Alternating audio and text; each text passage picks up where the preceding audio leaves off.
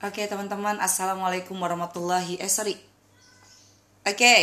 Assalamualaikum warahmatullahi wabarakatuh. Ketemu lagi setiap pagi, setiap hari Breakfast for your heart. Bagaimana teman-teman ini mengisi otak dulu Mengisi pikiran dulu Untuk kemudian lebih siap untuk menjalani hari-hari. Karena setiap hari ini kita akan bertemu dengan banyak masalah. Setiap hari ini kita akan bertemu dengan banyak sekali kerikil. Kalau kita tidak siap dengan ilmunya Masya Allah sulit untuk menjalankan hidup ini. Yang ada adalah lemah Yang ada adalah nggak semangat, yang ada adalah down gitu kan. Makanya saya memang menyelenggarakan salah satunya adalah kegiatan dengan Breakfast for Your Heart ini menjadi sarapan bergizi supaya teman-teman lebih siap untuk menjalani hari-hari yang tidak selalu sesuai dengan keinginan teman-teman.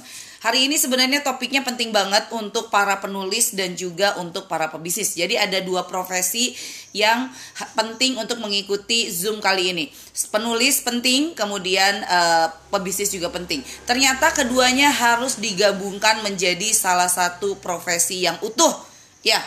Jadi penulis uh, harus bisa jadi pebisnis juga harus bisa. Ini adalah kisi-kisi atau uh, obrolan yang akan saya share hari ini. Yang pertama adalah perbisnis versus penulis. Jadi kalau misalnya Ami bilang bahwa saya adalah seorang penulis yang suka jualan, artinya saya adalah penulis yang tidak hanya menulis saja, tapi bagaimana tulisan saya itu bisa menjadi konten-konten yang sifatnya itu menjual, jualan terselubung. Itu yang harus teman-teman lakukan juga dalam bisnis Anda. Kedua, penulis yang harus bermindset pebisnis. Itu juga yang saya lakukan saya penulis, tapi bagaimana saya bisa selalu fokus untuk bisa jualan karya saya. Nggak ada tuh yang namanya bingung, misalnya kayak gini. Tapi kan teh jualan buku itu nggak sama dengan jualan gamis. Tapi kan teh jualan buku itu nggak sama dengan jualannya kuliner. Tapi kan teh jualan buku itu, jualan buku itu sama seperti halnya Anda jualan gamis, jualan kuliner, jualan kosmetik, jualan apa pun Ya, jadi jangan sampai mental Anda ini merasa bahwa buku adalah sesuatu yang terpinggirkan, yang tidak mungkin bisa dijual selaris Anda jualan makanan, selaris Anda jualan e, gamis, selaris Anda jualan khimar. Ya, penting banget kepada Anda untuk benar-benar memahami keduanya adalah seperti dua sisi mata uang yang tidak bisa dipisahkan satu sama lain. Oke. Okay yang ketiga, pebisnis mahir nulis. Ya, perlu nggak sih teh pebisnis mahir nulis? Perlu. Kalau Anda bayar copywriter mahal.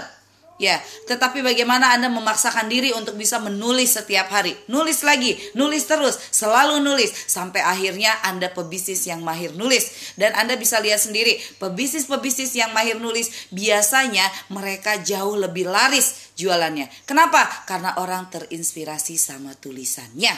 Jadi kalau misalnya Anda sekarang merasa bahwa saya tidak berbakat nulis, harus mulai jadi bakat, harus mulai dibiasakan. Yang keempat, tanpa tulisan macet orderan.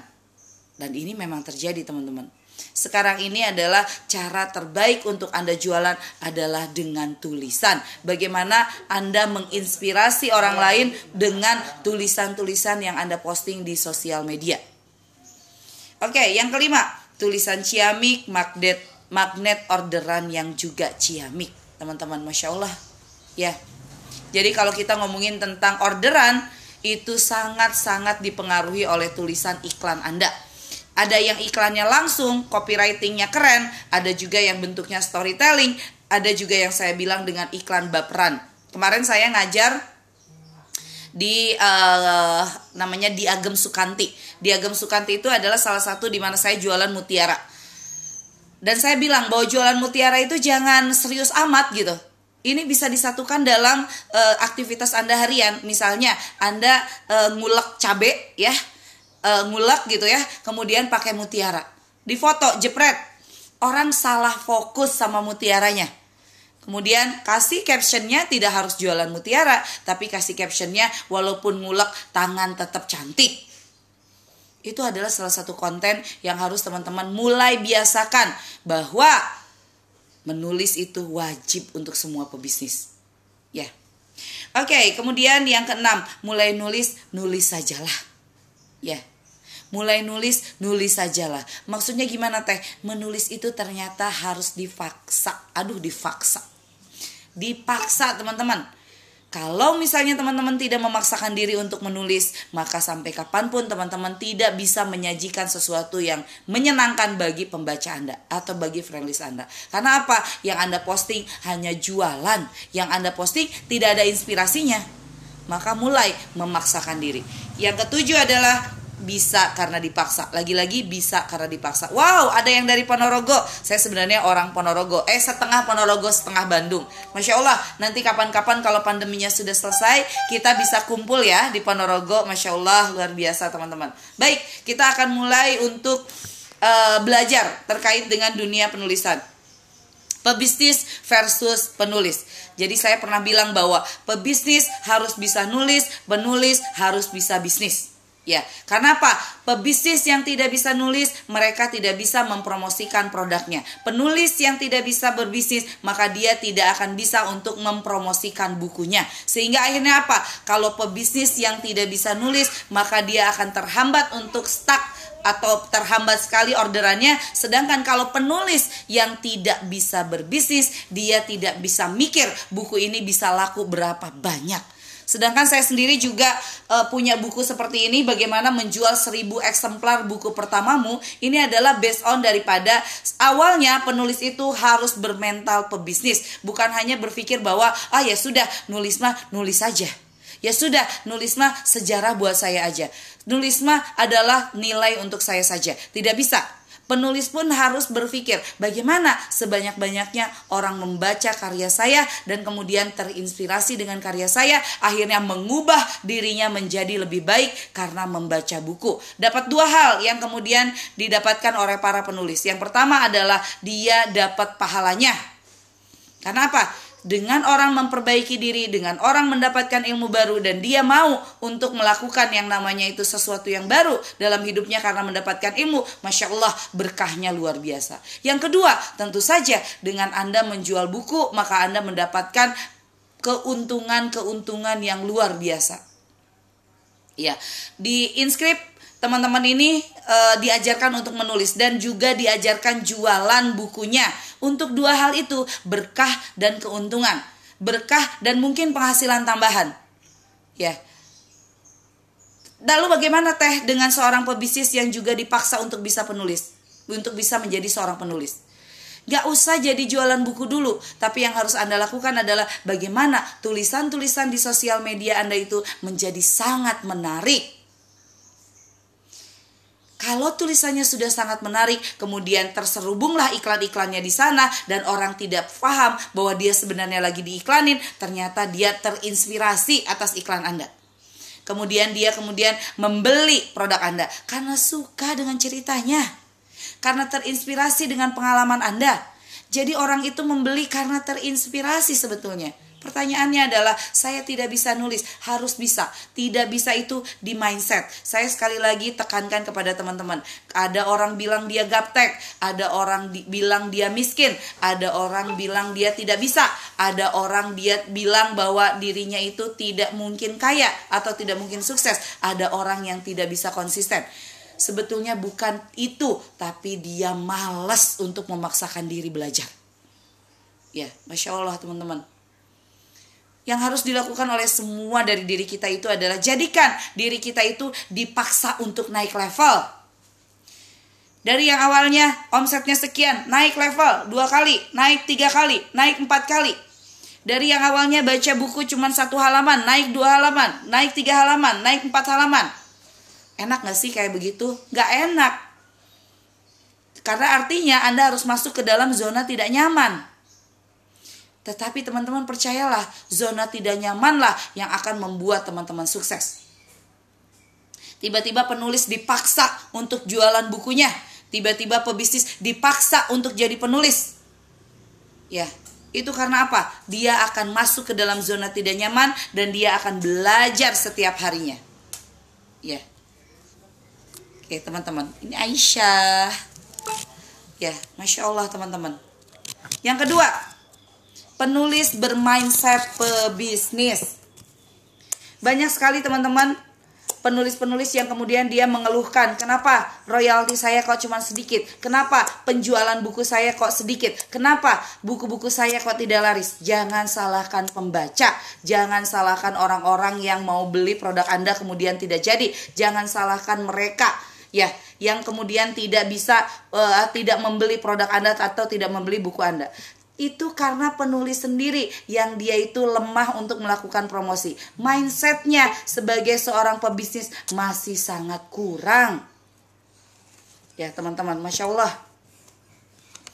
Jadi penulis pun harus punya mindset pebisnis yang cukup sehingga akhirnya dia ketika membuat satu buku yang itu juga tidak mudah ya nulis buku itu tidak mudah teman-teman kita butuh alokasi waktu untuk menulis belum setelah itu diedit, belum setelah itu harus di-proof. Itu langkah-langkah yang memang harus dilakukan oleh seorang penulis sampai akhirnya bukunya jadi dan terbit. Maka dengan perjuangan seperti itu kayaknya nggak rela deh bukunya cuma laku satu atau laku dua. Ya, yeah. kayaknya nggak rela deh kalau tidak banyak orang yang kemudian membaca buku-buku kita. Ya, yang harus dilakukan adalah mindset pebisnisnya ditambah bahwa ketika kita menulis buku, maka yang harus kita lakukan adalah berapa buku yang akan kita jual, berapa buku yang akan kita terbitkan, uh, yang akan kita cetak, sorry. Sehingga akhirnya nulisnya juga jalan, kemudian jualan bukunya juga jalan. Kemudian pebisnis mahir nulis. Teman-teman silahkan scrolling di Facebook, lihat pebisnis-pebisnis. Ada yang jualan kuliner, ada yang jualan uh, gamis, ada yang jualan misalnya uh, khimar, ada yang jualan jasa, ada yang jualan apa pun. Ada dua, mereka jualannya sama, tapi ada juga yang laris, ada yang tidak. Ada yang uh, rame Facebooknya, ada yang tidak ada yang tulisannya bagus atau kontennya bagus di Facebook, ada juga yang tidak. Dan biasanya konten-konten yang bagus dan inspiratif itu lebih banyak interaksi di sana. Mau kan pasti kayak begitu? Di mana kita jualannya adalah jualan mainan misalnya, tapi begitu ramai ya Facebooknya. Dan itu pasti tidak lepas dari yang namanya konten. Ya, jadi pebisnis pun harus mahir tulis. Pertanyaannya adalah teteh apa yang harus ditulis oleh kami sebagai seorang pebisnis?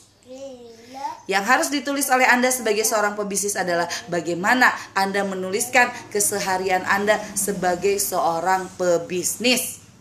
Tanpa canggung, tanpa takut, tanpa khawatir, tanpa ya ya santai aja mau nulis apa pun. Itu sebagai bentuk latihan tidak perlu dulu berpikir bahwa oh tulisan saya harus menginspirasi orang lain. Tidak perlu seperti itu. Tugas Anda adalah berlatih menulis dibandingkan Anda harus bayar copywriter dan itu harganya mahal.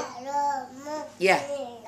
Teman-teman, saya ada beberapa tips ya untuk para pebisnis yang mau memulai untuk nulis. Saya sebentar saya buka dulu di sini ya. Di sini saya kasih beberapa teman-teman yang uh, mereka tulisannya sangat bagus di sosial media. Ya. Ada di sini itu Triwidayanti. Ya, Triwidayanti itu salah satu sahabat saya, dia uh, owner dari Pabil, Masya Allah. Ya, tulisannya itu bisa ratusan like dan ratusan komen. Kemudian ada Diah Septiana Valentin. Ada Dini Fitriah ada Sulis Owner Nalindra. Itu teman-teman bisa menjadi salah satu uh, benchmark. Bagaimana ibu-ibu ini dia menuliskan hal-hal yang simpel banget. Ya kadang-kadang dia menuliskan tentang kesehariannya di dapur. Kadang-kadang dia menuliskan lagi duduk di depan uh, apa namanya tuh uh, uh, duduk di mobil. Kemudian dia liatin salah satu um, cincinnya atau bajunya gitu yang dia jual Masya Allah teman-teman, luar biasa. Ya, jangan pernah uh, melihat bahwa saya bukan siapa-siapa sehingga mungkin orang yang akan baca saya itu akan bosan. Tidak, setiap orang adalah siapa-siapa. Setiap orang adalah unik. Setiap orang adalah luar biasa. Termasuk Anda yang menonton Zoom ini. Jangan pernah mengatakan Anda bukan siapa-siapa, karena begitu Anda mengatakan Anda bukan siapa-siapa, di sini sudah stuck. Anda tidak tahu apa yang akan ditulis. Ya, oke. Okay. Kemudian dari postingan Anda, kenapa saya bilang eh, teman-teman postingkan saja kegiatan Anda sehari-hari karena itulah yang menjadi bahan uh, untuk status Anda. Ya, nih nggak boleh malas, nggak boleh takut, nggak boleh ngerasa uh, tulisan saya pasti bakalan jelek. Yang penting adalah tulis dan itu adalah bagian daripada proses. Oke. Okay. Ini penting buat para pebisnis bangun branding dengan storytelling. Ya, jadi storytelling itu adalah menceritakan apa pun yang ingin Anda ceritakan. Tapi teh kalau saya ceritakan tentang sedekah, saya takut dibilang ria. Gak apa-apa teman-teman. Orang boleh ngomong tentang apa saja, tetapi tugas kita adalah memberikan inspirasi. Ya, masya Allah. Ya, Kemudian bangun branding dengan storytelling. Jangan enggak pedean, jangan khawatiran, jangan malu, jangan uh, minder. Bahkan teman-teman ini cerita saya tahun 2000 uh, eh, tahun lalu ya 2019, 15 Oktober 2019. Karena kan pertemanan saya juga sudah semakin banyak. Saya kemudian up kembali uh, tulisan saya atau up kembali uh, apa yang pernah saya capai di tahun-tahun sebelumnya saya tuliskan seperti ini. Usia 30 tahun saat melakukan pemotretan untuk cover majalah perempuan potret. Pak Tabrani Yunis adalah pimpinan redaksi sekaligus pemilik majalah ini. 8 tahun berlalu. Ingat, ya, cerita kita di masa lalu pun bisa kita tuliskan lagi di Facebook untuk mereminder orang.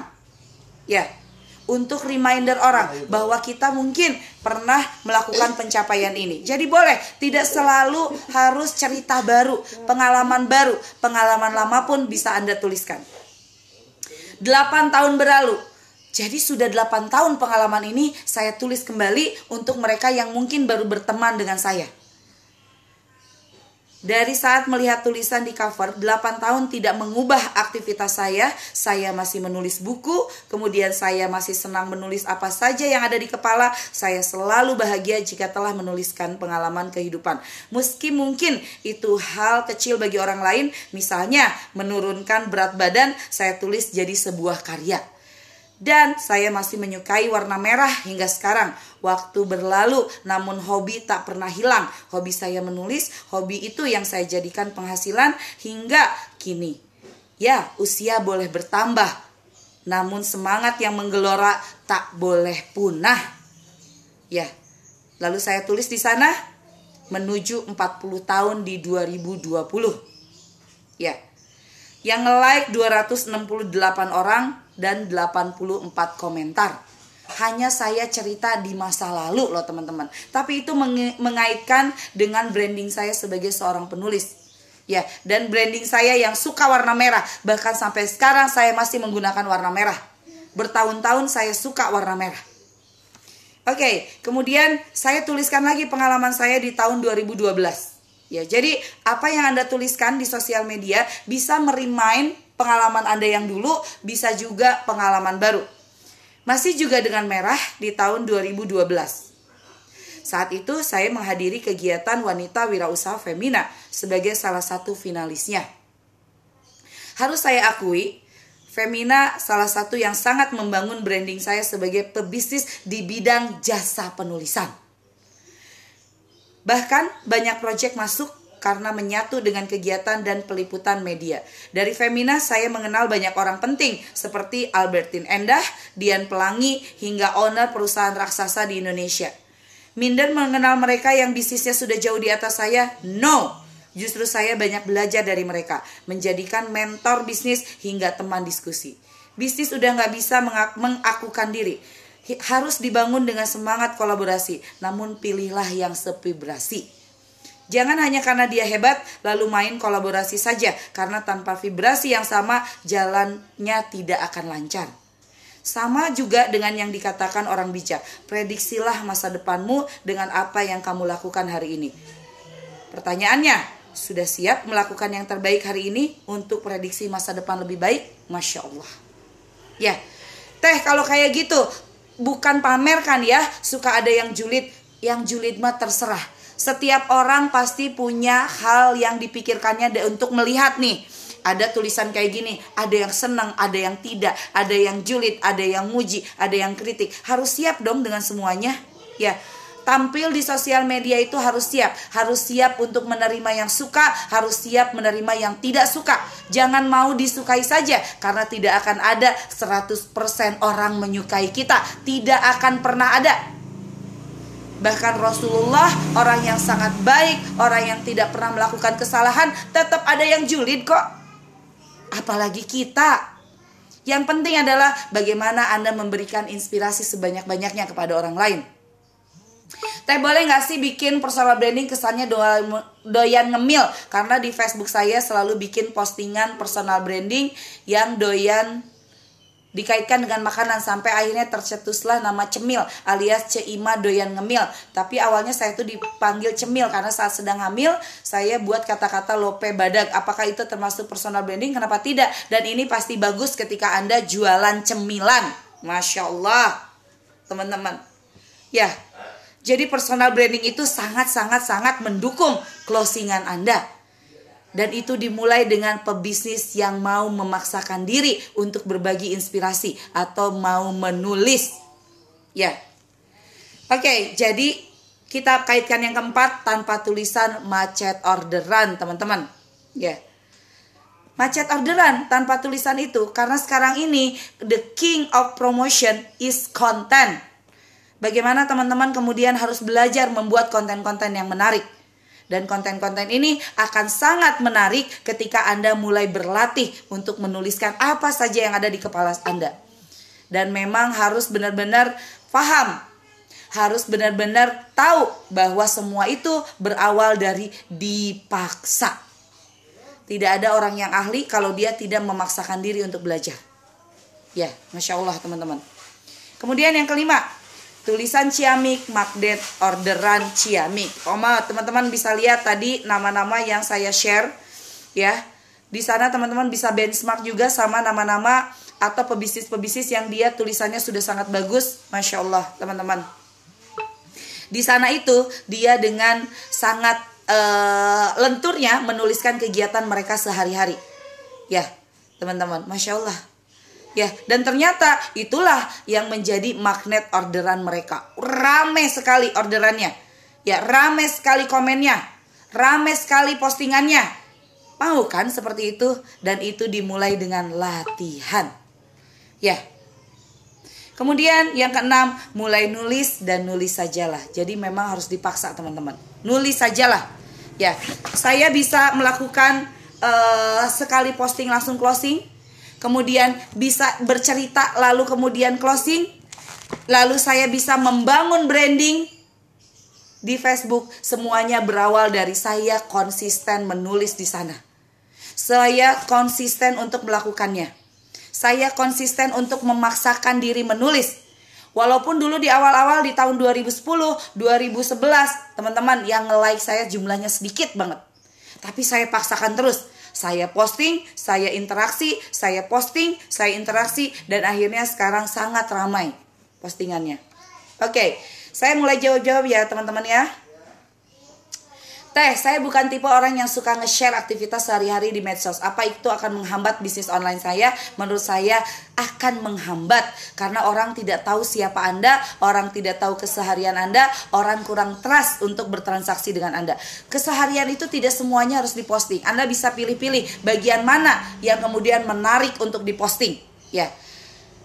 Oke, okay, inspiring dan offering. Bismillahirrahmanirrahim. Sementara nggak temenan sama keluarga buat pede nulis karena lagi belajar. Kenapa sih nggak harus temenan sama keluarga? Justru mungkin keluarga bisa terinspirasi sama saudaranya yang luar biasa. Ya, teman-teman. Teh tanya dong, sebelum sebetulnya berapa kali bagusnya kita posting storytelling di Facebook? Minimal dua kali. Kalau mau lebih banyak dari itu silahkan. Ya, yang penting adalah Anda berlatih terus, latih terus, latih terus sampai benar-benar bisa untuk melakukannya. Oke. Okay. Teh uh, di sini warna kesukaan Teteh merah pas sesuai artinya merah membara seperti semangat yang Teteh beri ke kami setiap hari. Merah artinya berani menjalani hal baru dan keren tiap harinya. Masya Allah, tabarakallah. Terima kasih Mbak Neni. Ya, saya bertahun-tahun suka sekali dengan warna merah sampai sekarang pun pasti pakai warna merah. Teman-teman bisa lihat setiap hari saya pakai yang sama. Kerudung saya ini ada dua ya. Saya suka lagi suka dengan kerudung yang diikat di belakang gini ya. Jadi nggak begitu sering kelihatan rambutnya nggak perlu pakai ciput juga. Dan saya punya dua. Jadi kalau uh, sore kotor gitu kan besoknya sudah bersih lagi. Jadi besok pakai yang baru gitu. Jadi tiap hari bergantian. Memang senang warna merah. Dan itu saya ceritakan juga di Facebook. Teh saya suka bingung nulis kata-katanya kalau broadcast. Kok broadcast sih? Nulis status ya? Ya. Bukan bingung. Bingung itu karena anda pengennya perfeksionis. Ya yang harus Anda lakukan adalah alirkan saja isi kepala Anda. Setelah dialirkan isi kepala Anda, posting saja. Ya. Teh berapa kali sih bagusnya kita bikin? Oh, udah, udah ya. Kemudian teh saya mau jualan mukena dan gamis, bukan makanan, tapi saya ingin dikenal dulu nama beken saya. Boleh, boleh. Silakan. Ya. Yang penting adalah nama bekennya, brandingnya bagus, closingannya insya Allah bagus. Mau jualan apa pun bagus Ya, teman-teman, saya jualan buku. Kemudian saya jualan uh, Xiaomi. Kemudian saya jualan uh, mutiara, cincin mutiara. Kemudian saya jualan lagi tentang uh, kosmetik, binping. Saya jualan sabun sebu. Dan saya jualan apa saja, alhamdulillah laris. Kenapa? Karena brandingnya sudah nancep. Orang percaya, sebenarnya bukan karena apa jualan Anda, tapi apakah Anda sudah nancep nggak brandingnya sehingga akhirnya orang percaya untuk bertransaksi dengan anda. Oke okay. Bunda bagus. Kalau bagus nulis personal branding maksimal berapa banyak? Udah ya. Orang kebanyakan malas baca kalau terlalu panjang. Nggak boleh sorry. Untuk pemula nggak usah nulis terlalu panjang. Nulis yang pendek-pendek saja. Saya sudah ajarkan kepada teman-teman untuk menulis konsepnya itu adalah hard selling dari hati. Dan itu nggak terlalu panjang pendek-pendek aja latihan dengan tulisan pendek. Khawatirnya kalau baru tulisannya panjang nanti ngejelimet orang bacanya. Oke okay, bisa diulang teh nama-nama tadi yang mau saya tulis? Oke okay, yang tadi mau benchmark ya. Tri Widayanti Diah Septiana Dini Fitriah. Itu bagus banget. Iya teh sering scrolling akunnya teh Dini. Asik banget baca tulisannya lucu. Teh apakah di inskrip ada pelatihan nulis? Ada pelatihan nulis di inskrip. Nanti teman-teman bisa tanya sama yang ngasih link ini, ada pelatihan nulis di kami, nulis buku ada, nulis quote ada, nulis surat ada, ada nulis uh, secara private ataupun bergrup, silahkan. Teh gimana cara membangun percaya diri dan tidak banyak pikiran berlebihan karena terkadang saya takut kalau menceritakan soal diri saya malah ada yang nyinyir. Ya kita harus siap ya pasti ketika kita posting kita bilang pasti ada yang gak suka, pasti ada yang suka, pasti ada yang julid, pasti ada yang kritik, pasti ada yang puji dan kita semua bingkai itu dengan frame yang sederhana. Jangan suka lebay, dipuji lebay senengnya, kemudian dikritik sedihnya juga lebay. Jangan lebay, jangan jadi orang lebay. Ya, sehingga kita menghadapi masalah juga tidak lebay. Ya, jadi orang yang selalu takut, selalu khawatir, itu karena pikirannya itu terlalu berlebihan. Ya, sekarang bingkai semua dengan sederhana. Oke, saya mau tanya, sebaiknya Facebook bisnis dan pribadi disatukan atau dipisah? Kalau saya masih disatukan.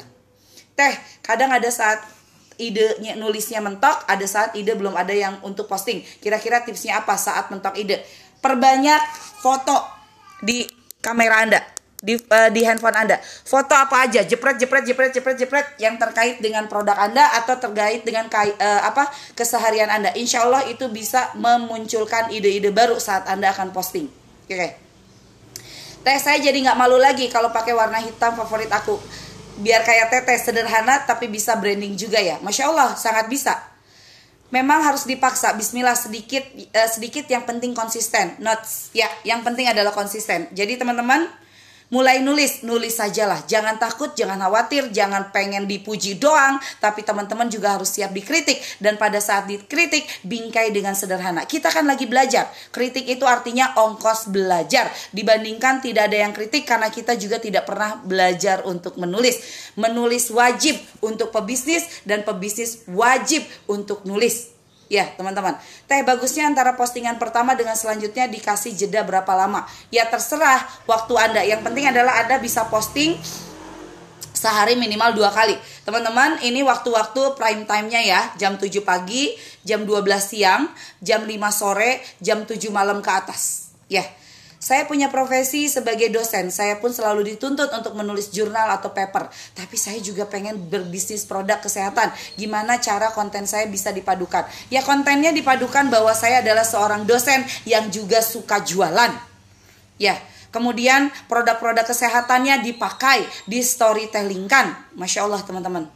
Ya, sebenarnya yang membuat kita pusing untuk nulis status adalah karena kita perfeksionis pengennya bagus, padahal baru belajar susah untuk nulis bagus.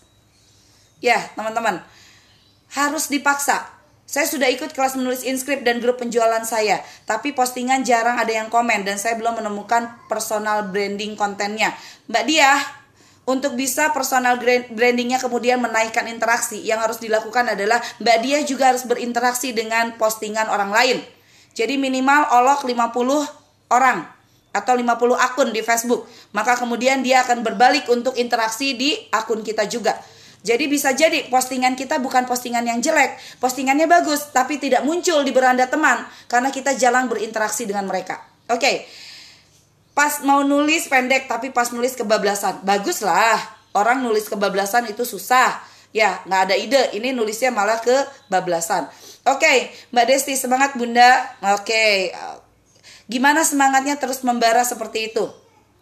Teman-teman, salah satu uh, tips semangat saya selalu membara setiap hari adalah saya lebih banyak memikirkan orang lain daripada diri saya. Ketika saya membangun bisnis, saya ber, uh, apa namanya itu punya goal lebih banyak yang merasakan manfaat dari bisnis saya.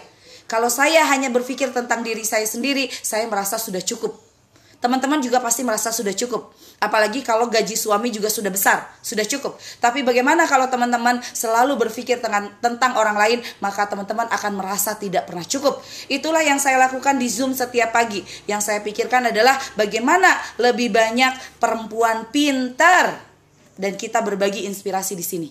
Ya, bagaimana kemudian perempuan-perempuan yang mengikuti Zoom dia seperti menemukan solusi-solusi atas masalah-masalahnya ya manfaat. Itulah yang membuat saya selalu semangat setiap hari. Yang saya pikirkan adalah hari ini saya akan memberikan manfaat apa untuk orang lain, bukan saya berpikir manfaat apa yang saya ambil dari orang lain.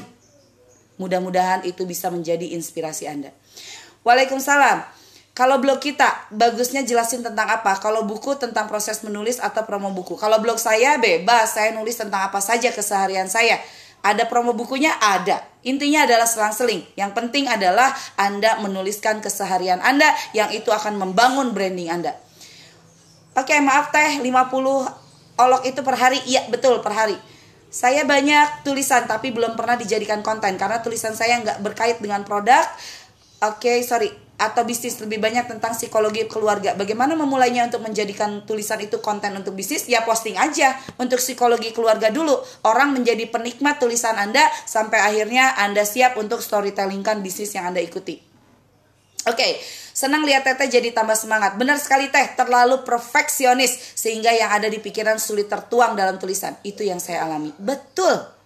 So, perfeksionis itu sangat menghambat langkah kita, akan melambatkan langkah kita. Jadi, teman-teman berhenti perfeksionis, tulis saja dulu.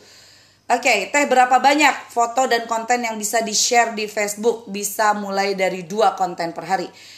Oke, okay, um, teman-teman, teh kalau kita jualan banyak jenis, saya juga jualannya banyak jenisnya. Saya jualan buku, saya jualan cincin mutiara, saya jualan binping, saya jualan sebu, saya jualan ciomi, saya jualan banyak sekali. Sebentar lagi saya jualan henna.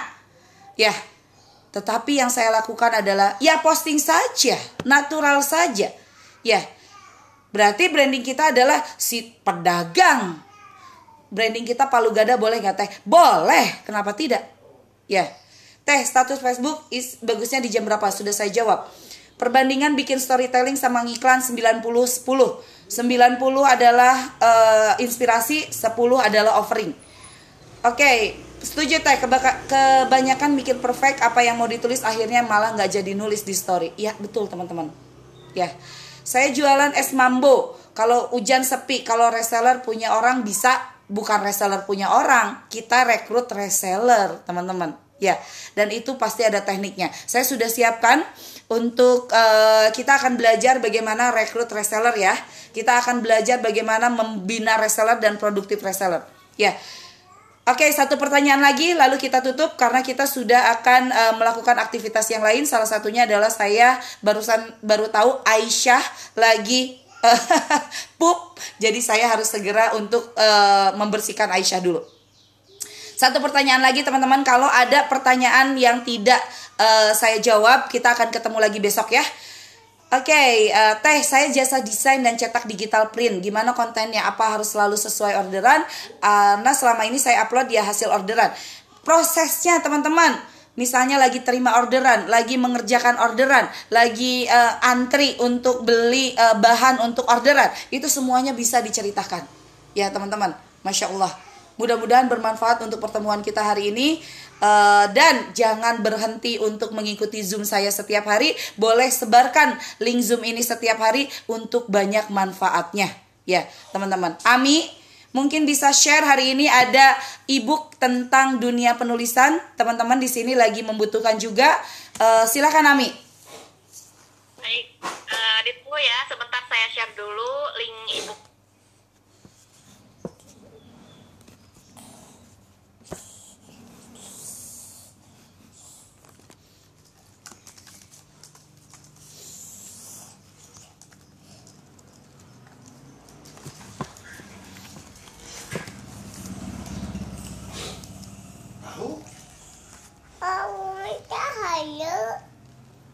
Oke teman-teman saya share ebooknya di chat ya.